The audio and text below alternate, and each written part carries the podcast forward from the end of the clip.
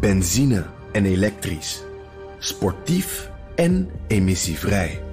In een Audi plug-in hybride vindt u het allemaal.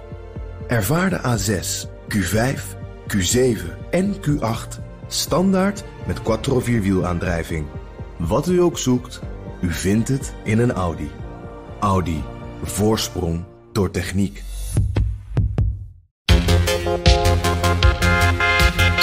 De oliesector wordt nu door de politiek soms afgeschilderd, of niet soms, wordt afgeschilderd als letterlijk en figuurlijk fossiel.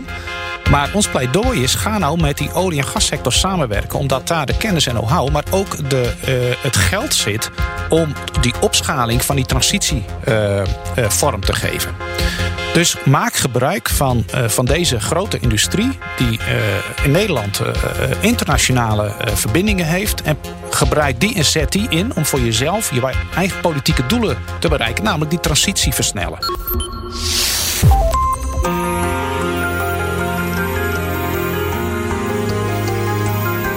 Je luistert naar De Stratege, een podcast van BNR in samenwerking met het Den Haag Centrum voor Strategische Studies. Mijn naam is Paul van Liemt. De tankopslag levert de brandstof waarop de Nederlandse economie draait. Overal om je heen zijn producten die gemaakt zijn uit vloeibare chemicaliën en oliën. De energietransitie is een van de grote uitdagingen van onze tijd. Je zou kunnen zeggen dat we het hele land moeten verbouwen. Emission reductions of that scale and speed require very rapid transitions in energy, industries, and consumption. Emissions in all of these sectors must be virtually eliminated, net zero, within a few decades.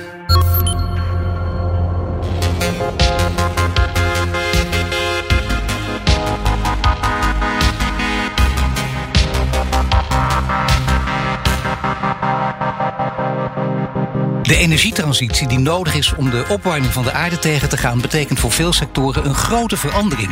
Ook bij specifieke strategische sectoren waar je misschien niet zo snel bij stilstaat. Een van die sectoren is de tankopslagsector. Vanuit de havens van Rotterdam en Amsterdam komen jaarlijks tal van producten naar Nederland die hier moeten worden opgeslagen voordat ze verder getransporteerd kunnen worden. Het gaat hier vooral om energie en andere grondstoffen. Ligt in 80% van die Nederlandse tankopslagen olie, maar voor hoe lang nog? En misschien nog wel belangrijker, wat kan daarvoor in de plaats komen om deze bedrijven levensvatbaar te houden? Dat ga je horen in deze aflevering van de Stratege van mijn twee gasten. Jillis van der Beukel, energiespecialist van het Den Haag Centrum voor Strategische Studies. En Willem Henk Streekstra, directeur van Fotop, de brancheorganisatie van tankopslagbedrijven in Nederland. We have another copy. There is the second plane, another passenger plane hitting the World Trade Center. These pictures are frightening indeed. These are just minutes between each other. Ja, hier is zaterdag, was het 20 jaar geleden, na 9-11, echt zo'n gebeurtenis waarbij je nog weet waar je ook was. Uh, waar waren jullie toen je het hoorde? Ik begin met uh, Willem Henk. Ja, ik was uh, op het kantoor bij de LTO, de Land- en Tuinbouwbond. Daar werkte ik toen voor. Ja. Um, en toen had je al internet, dus uh, we zagen dat vrij vlot uh, gebeuren. Ja, dat was heel onwezenlijk. Ja, dat, ja. Uh, dat weten we allemaal. Dat dat zeker bij, bij de eerste aanblik zeer onwezenlijk was. En, en Jillis, was het voor jou? Waar was je? ik was op kantoor bij Shell. Daar werkte ik toen in Den Haag. En ik werkte voor Shell Gabon, maar ik was in Den Haag. En wij hadden onze Amerikaanse joint venture partners op bezoek. Uh, en op een gegeven moment kwam er iemand binnen in de vergadering van... Uh, nou, uh, jullie moeten toch even kijken wat er allemaal gebeurt. En ja, je begrijpt, die mensen waren zeer onder de indruk. Zo, die Amerikaanse partners ook daarbij. Dat is inderdaad helemaal extra bijzondere herinnering dus. Ja, ja, ja. Wat, wat heeft het met je gedaan? Want sommige mensen denken, dit soort grote gebeurtenissen... die kunnen zo ingrijpend zijn dat ze ook in, in, je, in je directe persoonlijke leven ingrijpend zijn. Of in je, in je denkwijze.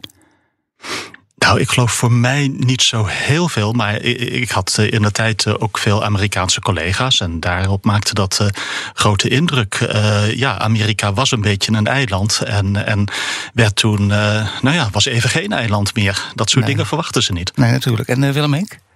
Ja, ik besefte wel dat dit wel eens grote gevolgen kon krijgen. En dat is natuurlijk ook gebeurd. Dat op de dag van vandaag zijn we anders over veiligheid uh, gaan denken. En dat heeft ook zelfs in de, in de wereld waar ik nu voor werk uh, gevolgen gehad. Ja. De tankopslag levert de brandstof waarop de Nederlandse economie draait. Overal om je heen zijn producten die gemaakt zijn uit vloeibare chemicaliën en oliën. Vloeibare stoffen worden vaak met zeeschepen aangeleverd en via de leidingen naar de tanks overgepompt. De rol van het tankopslagbedrijf is dat de vloeibare bulk netjes wordt gelost, opgeladen en weer beladen voor verder vervoer per vrachtwagen, trein of zoals hier per binnenvaartschip. Nou, Willem Henk die weet waar het over gaat. Hè? Mooi wervingsfilmpje van jullie uh, van Votop. Uh, misschien aardig om eerst te vertellen wat Votop precies doet. Ja, Votop is de branchevereniging van uh, de tankopslagbedrijven. we hebben daar een stuk of twintig van in Nederland. En uh, die uh, tankopslagbedrijven uh, die verzorgen, de, zijn onderdeel van een handelssysteem, een internationaal handelssysteem van onder andere olieproducten. Wat je zei, 80 procent. 15% is chemie en 5 tot 10% is foodproducten. En vloeibaar. Okay. Het is dus altijd vloeibaar. Dus het gaat niet alleen over de Shells, de BP's en de ExxonMobil's nee. van deze wereld? Nee. nee het is het breder dan dat? Ja, het is breder dan dat. Het, eigenlijk gaat het om commodities, groot, grote, grote grondstoffengroepen... die vloeibaar zijn en die in die tanks uh, passen. Betekent het dan dat jullie je alleen op grondstoffen richten... als je het hebt over olieproducten, chemie en food, of is er nog meer? Um, het gaat uh, soms om uh, producten die helemaal kant-en-klaar zijn. Een benzine die je in je tank, uh, die je in je auto stopt, of kerosine. maar het kan ook gaan over chemische producten, die zijn vaak ook al klaar. dus het gaat om, om crude, zoals we zeggen, dus de ruwe grondstoffen. En soms gaat het om grondstoffen die al gefinaliseerd zijn en die over de markt verspreid gaan worden. Finaliseerd zijn? Helemaal klaar zijn. Oh ja. Nou ja, goed. Klaar voor gebruik. Nee, zeker. Nou, zeg dat dan gewoon. Nee, maar oké, okay, ik begrijp klaar voor gebruik. Jilles, wat is het strategisch belang van deze sector voor Nederland?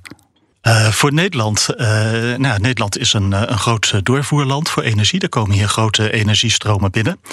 Uh, olie uit Rusland. ik denk heel veel Russische olie die gaat naar Rotterdam. ook uit het, uit het Midden-Oosten. Ja, daarnaast gas. We hebben een gate terminal op de Maasvlakte voor, voor LNG. En we hebben de, ja, de laatste jaren gezien. ooit was die gate terminal die stond op een heel laag niveau te pruttelen. En eind 2018 2019 klapte dat ineens om. En, uh, en nu eh, wordt die eh, bijna volledig benut. Ja, een hele belangrijke sector dus voor Nederland. Nou, energie is iets waarop onze samenleving draait. Ja.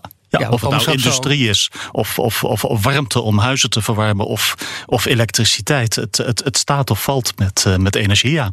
En we hoorden net ook, uh, Willem Henk, voor jou die, die onderverdeling. Je zegt 80% olie, 15% chemie, 5% food. Waarom die enorme grote hoeveelheid olie? Dat is vier vijfde van het totaal. Ja, nou ja, Nederland is, uh, is belangrijk voor haar industrie, maar ook voor de handel. Dus we hebben industrie en handel. En die moet Nederland zien als een soort handelsdraaischijf voor, uh, voor een deel van de wereld. Voor, in ieder geval voor Europa, maar strekt zich verder tot, tot, uh, zelfs tot Amerika aan toe. Uh, dus dat is het belang van Nederland. Dus enerzijds de, de grote verwerking van grondstoffen, het maken van grondstof tot een eindproduct en vervolgens die weer verhandelen naar de rest van de wereld. En dat maakt Nederland, Rotterdam en Amsterdam zo belangrijk en ook interessant. Ja, doorvoerhavens in uh, Nederland heel belangrijk. Rotterdam, Amsterdam, dat weet de hele wereld. Uh, we spraken ook over, uh, over olie en daar gaan we vanzelf ook praten over energietransitie en, en klimaat. Want ja, onlangs presenteerde het IPCC zijn rapport over de klimaatverandering. Het gaat nog harder dan we dachten. Wat, wat was meteen je reactie erop op dat rapport? Nou ja, dat betekent dat de politiek denk ik, uh, in Europa er harder aan zal trekken om uh, die transitie uh, in beweging te krijgen. En dat betekent dus dat er veranderingen zullen zijn in de energiesamenstelling. Nou, dat heeft uiteraard ook direct gevolgen voor, voor de tankopslagbedrijven en de handel. De tankopslagbedrijven die denken van eventjes mijn knopen tellen, maar een jaartje of 10, 20 is voorbij. Ja, nou ja, wij weten wel, omdat Nederland een, een, een internationale functie heeft, dat uh, de oliehandel niet zomaar zal stoppen. Maar zeker zal zijn dat, uh, dat bepaalde producten minder vraag naar zal zijn. En daar zullen andere producten voor in de plaats gaan komen. Nou, even toch uh, vragen wat Jilles uh, daarvan vindt. Hè? Want misschien eerst even ook beginnen met jouw reactie op het IPCC-rapport. Want de schrijvers zelf zeiden, ja, die samenvatting, die wordt keurig door iedereen gelezen, maar zoveel nieuws hebben we eigenlijk niet gezegd. Zoveel nieuws is er misschien niet, maar het komt dichterbij. het komt dichterbij voor de wetenschappers. Die zien gewoon van ons carbon budget dat dat slinkt. die temperaturen die groeien verder door. het komt dichterbij voor de mensen. Die mensen merken nu ook van goh, die zomers, het weertypes, die veranderen gewoon. We hebben gezien wat er in de Ardennen in de Eifel gebeurde. en ja, waar ik zelf als, ik heb een achtergrond als, als fysicus benieuwd naar ben, tipping points. moeilijker te voorspellen, maar op een gegeven moment krijg je allerlei non-lineaire effecten. Wat gebeurt er met een golfstroom? Wat gebeurt er met een permafrost? ja, daar beginnen we nu serieus benauwd voor te raken, denk ik. Het, het, het speelkwartier is voorbij. Het is nu echt serieus met de klimaatverandering. en wat betekent dat voor de tankopslagbedrijven? Dat je op den duur eh, naar een low of zero carbon uh, uh, vulling van je tank gaat.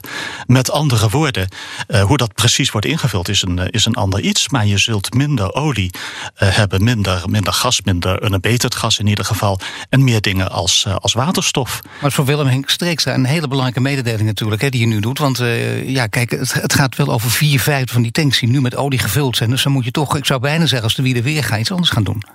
En die plannen die zie je ook bij die tankopslagbedrijven. Die zijn uh, bezig uh, zich te oriënteren. Wat gaan we doen met, met waterstof? En gaan we dat doen met waterstof? Of gaan we dat doen met afgeleiders van waterstof? Want daar is nog best uh, een boel onduidelijk over. gaan we dat doen met waterstof zelf? Of met ammoniak?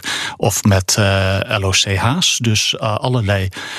want ja, waterstof is niet het makkelijkste goedje om te vervoeren. En niet het makkelijkste goedje om op te slaan. Ook dat nog, hè, wordt vaak vergeten. Het is goed dat je dat even zegt. Ja, want waterstof dat schijnt ook heel gevaarlijk te zijn. Uh, ja, nou, zijn, is nou is gas ook best uh, gevaarlijk. Maar uh, waterstof is nog iets vluchtiger. Het is een heel klein molecuul. H2, ja, het, een hele kleine moleculen betekenen dat ze heel makkelijk ontsnappen, zeg maar. ja. Explosie, explosiegevaar groot?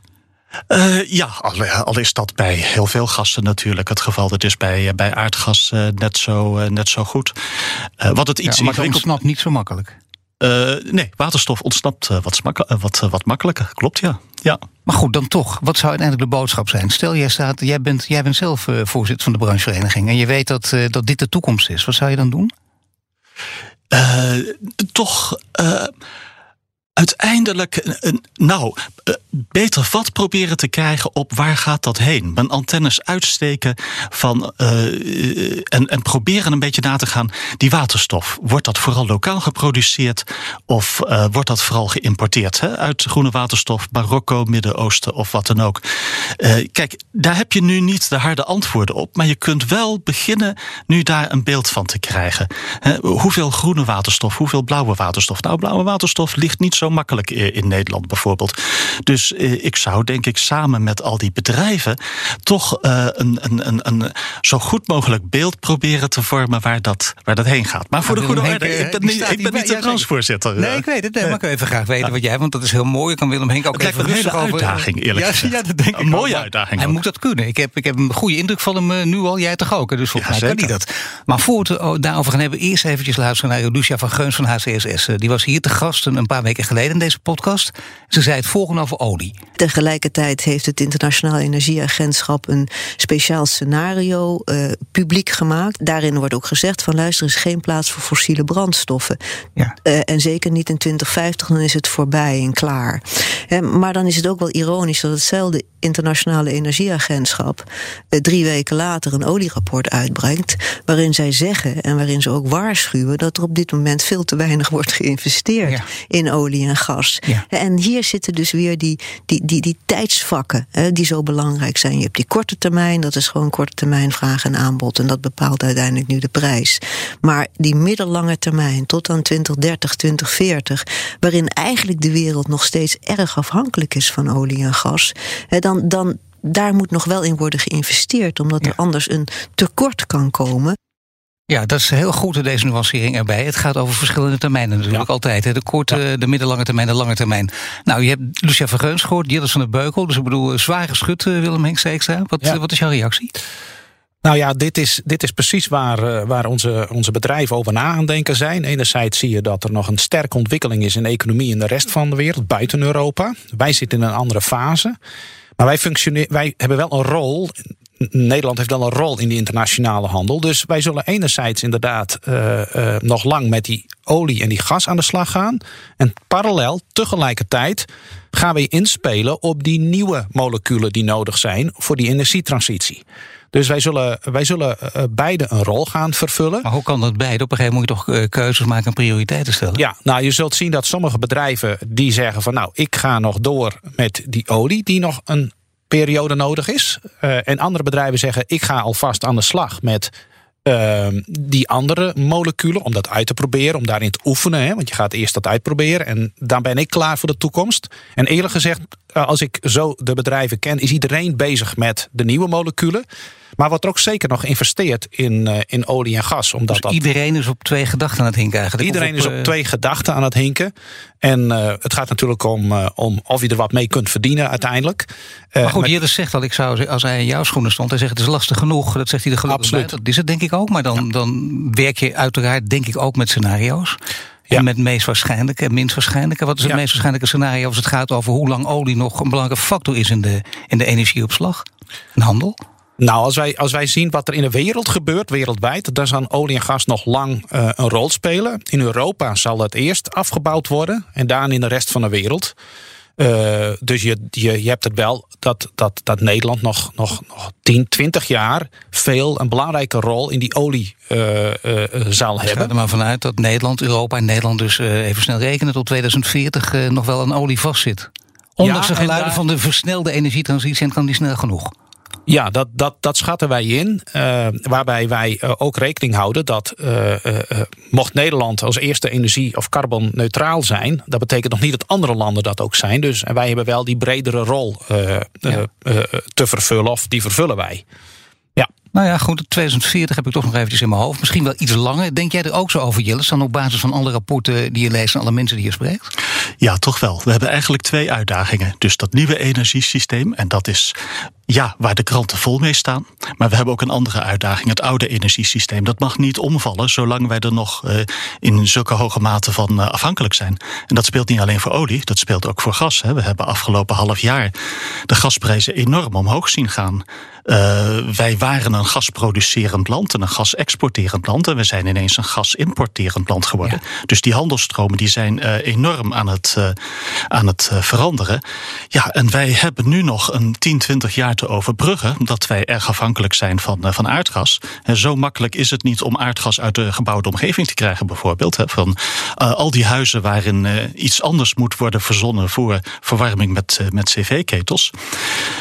En ja, je ziet die aardgasprijzen omhoog spuiten. En je ziet de afhankelijkheid van een land als, als, als Rusland en van LNG toenemen.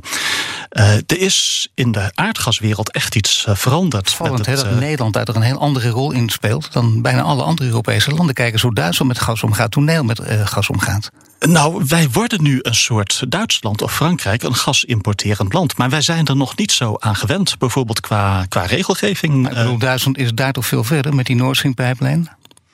Uh, Duitsland, nou ja, die Nord Stream-pijplijn uh, die verandert niks aan de afhankelijkheid van gas van Rusland. Die verlegt alleen de stroom van door, de, door Oekraïne heen naar uh, door Rusland direct de Oostzee. Natuurlijk, maar heen. Duitsland weet daarmee ook, we zijn hiervan verzekerd en we nemen daar geen afscheid van. En we hebben natuurlijk veel geluid ook in Nederland over de versnelde energietransitie. Niet alleen van gas, maar ook van olie versneld afraken. Ja, Mensen kunnen dat... de war raken als ik even, ja. met, met, als je jullie verhalen hoort, zeg nou tot 2040 doe het alsjeblieft niet. Lucian van Geuns ook uh, dat soort woorden. Nou ja, wij moeten, uh, en dat is geen tegenstribbelen tegen de energietransitie, maar wij moeten zorgen dat er geen ongelukken gebeuren tegelijkertijd met het, met het oude energiesysteem. Ja. En dat is een, uh, misschien een, wel een minstens zo grote opgave. Want kijk, uh, uh, elke politicus en een groot deel van de mensen in Nederland is ervan doordrongen hoe groot de opgave is om het nieuwe energiesysteem op te bouwen. Dat is ook goed zo. Dat is een hele uitdaging. daarin staat van alles te gebeuren. Hè? En met echte vooruitgang soms. Wind en zon, wind, wind, en zon, stroom daaruit, met name offshore wind. Nou, zonneparken zie je een grote vlucht nemen. Maar tegelijkertijd is die ook die andere opgave. Ja, en dat is een heel wat minder populaire opgave. Ja. Maar gaat het dan vooral om de termijn? Ik bedoel, je zegt eigenlijk, als ik goed naar je luister, dat, dat beide partijen, ook al zijn ze misschien tegenover elkaar, hier hetzelfde over denken. Het gaat alleen over de termijn waarin de veranderingen moeten plaatsvinden. Wat bedoel je met beide partijen, Paul? Nou ja, degene die zeggen we moeten er heel snel vanaf, de energietransitie moet versnellen. En degene die zeggen nee, de energietransitie moet heel langzaam gaan, want we hebben nog steeds olie en gas nodig. Zeker tot 2040. Ik, ik, zou haast zeggen, het moet snel, maar het kan niet altijd snel. En, en, en ik denk dat heel veel mensen er toch wel zo uh, over denken. Zowel van een VVD-CDA-kant als van een, uh, van een linkskant. Ook al klinkt dat misschien wat anders uh, in, in, in, in, in de media. Ja. Nou ja, als je het inderdaad politiek gaat vertalen... en je kijkt even goed naar die partijprogramma's... dan zijn natuurlijk de partijen die... Ja, de, we weten niet welke partij het voor het zeggen hebben. Als links het voor het zeggen krijgt... Dan, en, en roept de energietransitie moet versneld worden... op basis van de IPCC-rapport. En ze zeggen we moeten in 2000 2025, 2030 van de olie af. Dan zeggen jullie allebei dat kan gewoon niet. Nee, de, de, de geluiden van 2025 of 2030 uh, uh, CO2-neutraal. Nee, het is prachtig om dat te roepen. Maar uh, dat, dat lukt van geen kant. Dus je moet niet doen in dit geval wat Urgenda zegt. Nou, agenda die, die, heeft eh, een bepaalde doelstelling. En die heeft ooit dat rapport uitgebracht van 2030. Uh, ja. Maar dat is ook voor, denk ik, ja, ik mag misschien niet invullen voor agenda. Maar dat is ook voor een groot deel echte ongerustheid. En proberen die zaak op gang te brengen. Want laten we wel zijn, er is lang gewacht. In de toekomst is uh, misschien het opvangen en opslaan van CO2, daar wordt ook over gesproken, eh, Willem Henk, uh, een manier om de tanksen te gebruiken. Is, is, dat een, is dat een kansrijke, denk je of niet? Of is dat iets waar je eigenlijk niet al te serieus op moet inzetten omdat het zo ingewikkeld is? Nou, het is ingewikkeld. Er zijn leden van ons bedrijven betrokken bij CO2-opslag. Uh, waarom? in, in Europa zit heel veel tankopslag in de grond. Dus niet alleen in, in Nederland is het boven de grond, maar in Europa heb je caverns, zo heet dat, uh, nou ja, oude, oude, oude putten waar je zout of, of gas uit hebt gewonnen. Uh, dus er zit veel deskundigheid bij onze bedrijven om dat veilig te doen. Dus in die zin zijn ze erbij betrokken. Um, uh, dus in, in, in, zeg maar in een tussenstadium wordt dit wel gezien als een oplossing om, om bepaalde doelen te bereiken. Voor de hele langere termijn begrijp ik dat, ja, dat, dat, dat, dat we echt naar een een, een CO2-loze emissies uh, energiebehoefte willen. Maar opvangen en opslaan, stel dat je dat kan en dat het een verdienmodel zou zijn. Ja, bijvoorbeeld een ja, dan doen we dat natuurlijk. Maar, ja. maar, maar, dat blijft toch wel een controversiële discussie, of niet? Ja, het is nou, er wordt naar gekeken. Hoe grote vlucht dat zal krijgen, dat weten, we, dat weten we gewoon nu nog niet. Er wordt veel over gepraat. Er wordt wel geïnvesteerd. Dus belangrijk dat de politiek zegt van ja, we willen toch voor een intermediaire periode ermee aan de slag. En wat dus is dat, een intermediaire periode? Ja, dan moet je over. Dus die, die 10, 20, 25 die periode. periode kijken dat je nog niet uh, van olie en gas af kunt. Uh, maar dat je wel een stukje CO2 uh, wil reduceren. Ja, dan is dat een tussenoplossing. Wat vind jij van die tussenoplossing, Jilles? we zullen wel moeten. En je ziet het nu ook gebeuren. Iets als Portos in de Rijnbond, dat komt van de grond. De vraag is niet zozeer wanneer komt Portos verder van de grond en is het klaar. Maar de vraag is wat is de volgende? Want bedrijven die een paar jaar geleden, nou ja, zaten te denken, zullen we daaraan beginnen of niet?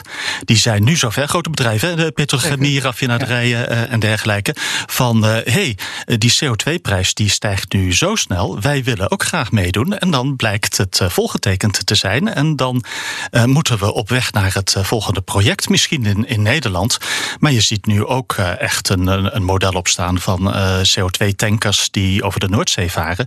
En die dat ook op andere plekken kunnen, kunnen afleveren. Er wordt, is nou een Noors CCS-project. De Nooren zijn al heel lang ook bezig. Wij in Nederland ook hoor, maar wat op wat kleinere schaal. Maar in, in Noorwegen is er een vrij groot CO2-project.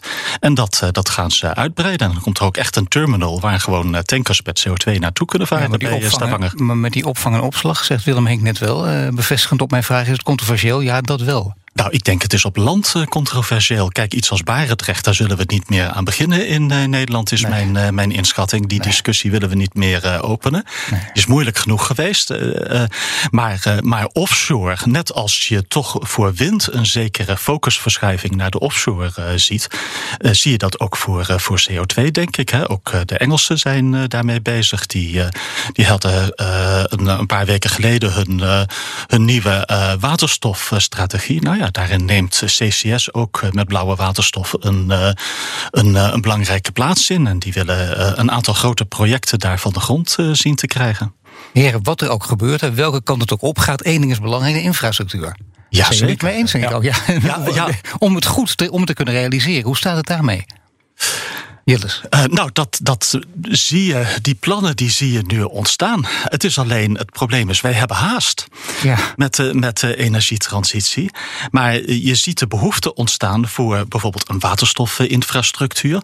Eh, met de nodige vragen erbij hoor. Hoeveel wordt waterstof, hoeveel wordt ammoniak? Je ziet ook bedrijven zich echt nu oriënteren op verschillende opties. Nou, dat horen we van Willem Henk inderdaad Ja. ook. Ja, dat je dat open houdt. Ja, en, en, en je ziet de CO2-infrastructuur, dat begint nu te ontstaan met, eh, met iets als Portos Maar toch is het lastig. die door Toch de- is het lastig. Je hoort mensen vaak zeggen die dit lastig vinden, zeggen het is een hele uitdaging. Ja, ja. Ehm, maar dat, dat, dat, is het dat, dat, dat is het ook, absoluut. Want ja, ja en dan. Nou ja, dan denk je wel eens van, uh, ooit uh, gingen we uh, over op aardgas. Uh, nou ja, in 62 wisten we hoe groot Groningen was. In 63 werd de gasunie opgericht. En in 64 lag die pijpleiding er van Groningen naar de Randstad. Ja. Nou ja, en, en die snelheid, die hebben we niet meer. En die zouden we iets van die snelheid misschien weer hopelijk ja. terug kunnen krijgen. Omdat het probleem met die klimaatverandering zo, zo, zo, zo groot is. Natuurlijk. Maar dat is een hele uitdaging in een tijd van meermondige burgers... die natuurlijk ook mee willen praten en die willen weten wat er in hun. Uh, ja, die mondige burgers is niet te geloven ook, hè? Zoals de mond snoeren. Uh, nou, dat, dat is ook maar. een dilemma. Van, kijk, je snapt het nee, allebei. Je snapt die burger, maar je snapt ook die overheid, die bedrijven en die samenleving. Die zeggen van, uh, kijk, uh, het, het, kan misschien niet meer in één jaar, maar het zou wel mooi zijn als het in twee of drie jaar kon, in plaats van tien jaar. Of nou, mondige burgers inderdaad trajecten tegen kunnen houden, 10, 20 jaar lang, dat wordt wel lastig. Ja. Dan wordt dat echt ook nog een serieuze discussie. Wat je daarmee aan moet. Ja, ja, en ik ben, ja. uh, ik zie echt aangekomen van, nou, pas, ja, die, die zaak zal versnellen op een gegeven moment. Maar dan, ja, je zou haast zeggen, uh, er moeten een beetje ongelukken gebeuren. Uh, bijvoorbeeld voor het oude energiesysteem in gas, leveringszekerheid van gas, dat wordt echt een probleem voor de komende tien jaar. Maar wat bedoel je met ongelukken? Gewoon, noemen ze echt een voorbeeld van Dingen die echt grote indruk maken. Wat als er een, een, een, een, een permafrost echt begint te smelten op een grotere schaal? Wat als je, nou, toch. Uh, kijk, klimaatverandering is meer dan alleen maar opwarming. Uh, en en je, je ziet nu de eerste schrik bij die regenbuien in de, in de Ardennen en de Eifel. Nou ja, dat gaat doorzetten komende 10, 15 jaar. En dan kom je misschien ook op een sociaal kantelpunt. Dat ja, er toch oude vanzelfsprekendheden, lange inspraakprocedures. Ja, toch beginnen te schuiven. Ja, en dan weet je hoe dat gaat. En dan komt er ook een hele discussie op gang over democratische beginselen. Die worden zomaar opzij gezet. En dat is heel moeilijk om daar dan met een heel goed antwoord tegen in te komen. Maar je zegt urgentie werkt altijd. Als er iets uh, ongeluk, gebeurt. Uh, ongelukken werken altijd. Ongelukken het is geen altijd. leuke manier. Nee, dat, nee, dat, nee, dat is goed dat je erbij zegt. Nee, stel dat je het wel doet. nee, maar, ja. Willem Henk, maar het is toch, hè, die infrastructuur, dat is toch wel een van de, van de bottlenecks. Om dat snel ja, voor elkaar Nee, zeker, zeker. Kijk, uh, de bedrijven hebben in hun hoofd de denkslag al gemaakt. Die willen aan de slag. En waar het nou gaat, is het spel tussen de overheid en, de, en het bedrijfsleven. He, je hebt het publiek deel van de infra en uh, private deel van de infra. Ja. En um, um, dat spel moet nu echt op gang komen. Duitsland heeft een paar jaar eerder die besluiten genomen. En Nederland gaat dat nu ook uh, zo langzamerhand doen. Maar wordt de innovatie dan niet aangejaagd van alle kanten? Ja, Nederland is, heel, is supergoed in, in zeg maar, uh, het aanjagen van innovatie. Een soort kraamkamer. Alleen als je echt, uh, daar moet het niet bij blijven. Je moet de innovatie ook implementeren. En dat betekent dus dat je die infrastructuur moet aanleggen. Uh, als het gaat om een pijpleiding van Noord naar Zuid-Nederland, uh, dan zal de overheid daar een rol in moeten gaan spelen, omdat het rendement daarvan in het begin er nog niet is. De bedrijven zullen dat niet zo snel doen. En dat samenspel dat begint nu goed op gang te komen. Dat betekent dat, dat, dat de overheid moet gaan investeren. En uh, het is misschien ook van belang om te zeggen dat, dat in onze visie we ook even breder moeten denken dan Nederland alleen. En waterstof maken Nederland alleen. Onze, onze bedrijven denken serieus dat we straks waterstof uit het Midden-Oosten gaan aanvoeren. Omdat daar de zon langer schijnt. Uh, en je daar meer uh, continu waterstof kunt maken. En wij ja. konden ons heel goed voorstellen dat je daar waterstof maakt, dat met een tussenmolecuul hier naartoe transporteert en hier weer omzet in uh, elektrische energie bijvoorbeeld. Dat is een betere methode dan mensen die bijvoorbeeld wijzen naar Shell en die zeggen: luister even, daar zitten heel veel knappe koppen, daar moet de innovatie vandaan komen. Ja, nou, er zitten heel veel knappe koppen bij Shell. En die zijn ook heel innovatief. Maar die kunnen het ook niet alleen. Hè. Shell kan het ook niet alleen. Dus je zult dat spel tussen de overheid en, uh, en, en, en, en het bedrijfsleven moeten hebben. En waarbij wij ook vragen aan de overheid. We willen wel graag dat jullie een brede visie hebben. Niet alleen binnen Nederland, want wij zijn nou een keer een handelsland. Hè? Dus wij moeten voor onszelf de boel goed regelen. Maar we willen ook nog als Nederland BV een paar centen verdienen. Uh, natuurlijk. Uh, maar uh, Willem Henk, jij bent uh, notabene, ja, niet voor niks natuurlijk ook de voorzitter van de branchevereniging. Dus heb je de boel niet goed aangejaagd dan? Wij hebben de boel prima aangejaagd en iedereen is ook aan de slag. Ehm, dus wij, wij gaan er ook vanuit dat de overheid nu doorpakt. En, Op basis waarvan? Op basis van de visie dat zij zegt van hé, hey, wij gaan ons deel doen. De bedrijfsleven gaan hun deel doen. En uh, wij denken dan, ja, ik ben met, die, met, met, met eens van, we zullen niet heel, heel lang moeten blijven praten. We zullen echt in de doefase terecht moeten komen. Ja, wij praten gelukkig nog wel eventjes, want als wij alleen maar in de doeffase zitten, dan, hoor je niks. Dus dat is weer het voordeel van zo'n podcast. Want Jilles, ik wil toch graag van jou weten wat jij ervan vindt. Want het gaat dus toch stroef, stroperig. En dit moet wel veel sneller. Nou ja, je ziet uh, sommige projecten nu uh, wel van de grond komen, Portos. En je ziet in het buitenland, Saudi-Arabië, daar komen dus echt goede waterstofprojecten die nu gebouwd worden. Ook blauwe waterstofprojecten, trouwens, Qatar. Ja, maar ik bedoel echt de samenwerking tussen overheid en bedrijfsleven, zo voor de hand liggend. Ja, persoonlijk vind ik er zou iets meer sympathie voor elkaar, iets weder, meer wederzijdse sympathie moeten zijn tussen overheid en bedrijfsleven in, uh, in, uh, in Nederland. Dat, dat zou wel mooi zijn. Is het niet verbazingwekkend? Want we hebben toch een flinke klap ook gekregen, ook nu door, door corona. We zien dat we niet onkwetsbaar zijn. We denken dat, dat er dus onvermoede coalities moeten optreden, zie je op veel gebieden. Maar hier wringt het nog steeds. Ja, en ik hoop dat dat misschien komende vijf of tien of twintig jaar een, eh, een beetje op gang komt. Dat uh, bij een overheid, uh, bij een gedeelte van politiek Nederland toch iets meer vertrouwen komt van, nou, we hebben een overheid nodig die duidelijke regels stelt, die het speelveld bepaalt, misschien duidelijker dan de afgelopen tien of twintig jaar gebeurd is, die er echt bovenop zit. Maar we hebben ook een bedrijfsleven nodig die met dat speelveld zoals dat door de overheid gecreëerd is, ja, heel efficiënt en slagvaardig uh, ja, bezig kan gaan. maar ik snap dat je dat hoopt. Maar er is meer dan hoop nodig, namelijk ook uh, realisme. En je moet het ook zien. Jullie kennen beide werelden ook. Jullie zien waarom dit zo moeizaam gaat. Wat zou je als tip geven? Ik bedoel, dus het is een bijna een groot abstract verhaal. Maar de overheid en bedrijfsleven, dat begrijpen we. Op dit terrein. Uh, ik zou nou als tip een beetje van. goh, die naoorlogse samenleving met die opbouw. waarin dingen heel snel en efficiënt kunnen. De, cultureel kwam de spruitjeslucht er misschien van af. Maar economisch en qua opbouw van de samenleving hebben een aantal dingen toen uh, goed gewerkt. Ja. Misschien kunnen we het beste van die twee uh, tijden combineren. De slagvaardigheid van toen met zeg maar nou, de culturele vrijheid van, uh, van nu. Nou, dat is heel mooi gesproken, maar is dat ook realistisch, denk je, Willem Henk? Ik vind wel dat er een politieke cultuuromslag moet komen. Ehm, wij merken dat. Zodat ik je in de reden val, maar het, het valt me, is dat niet gaande? Jullie zien dat nu, jullie kennen die Nog voldoende. Ik vind. Is, ik, dus geen urgentie ook daar. Nou, mag ik een voorbeeld noemen? de oliesector wordt nu door de politiek soms afgeschilderd, of niet soms, wordt afgeschilderd als letterlijk en figuurlijk fossiel.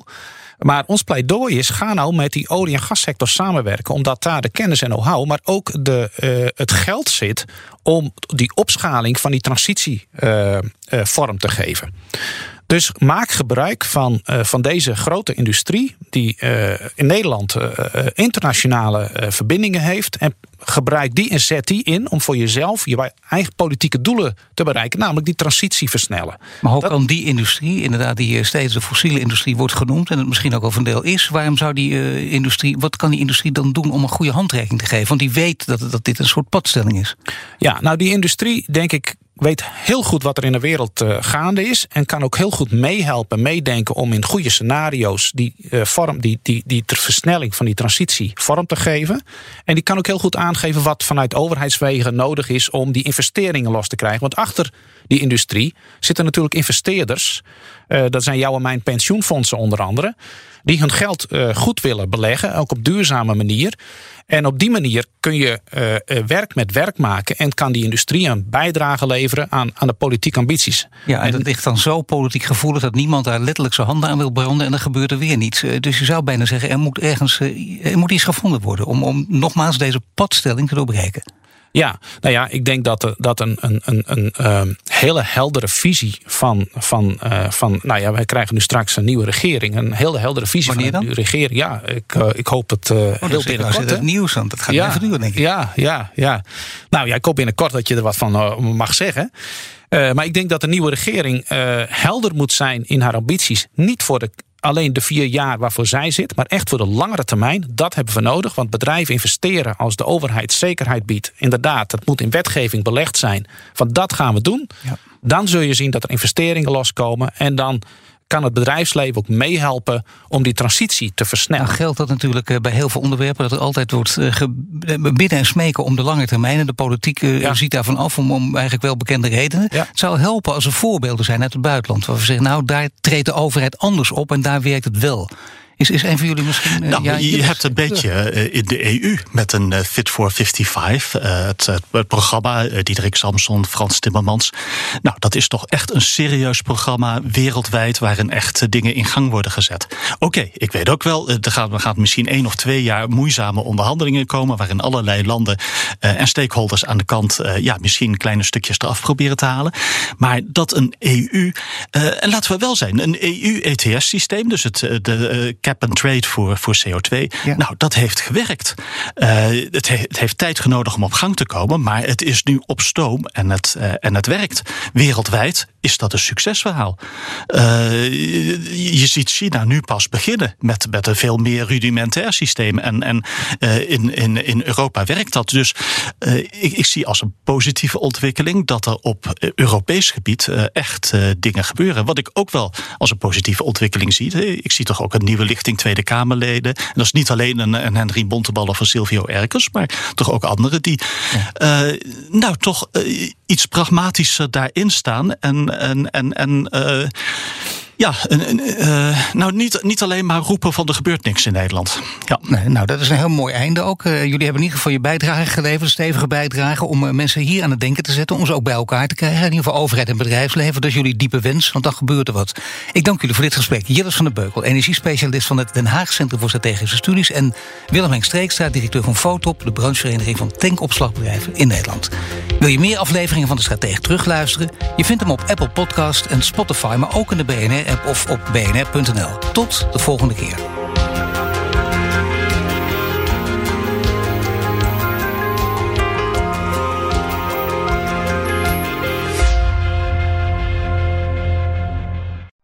Benzine en elektrisch.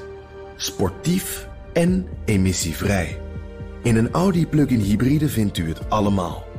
Ervaar de A6, Q5, Q7 en Q8 Standaard met quattro vierwielaandrijving. Wat u ook zoekt, u vindt het in een Audi. Audi. Voorsprong door techniek.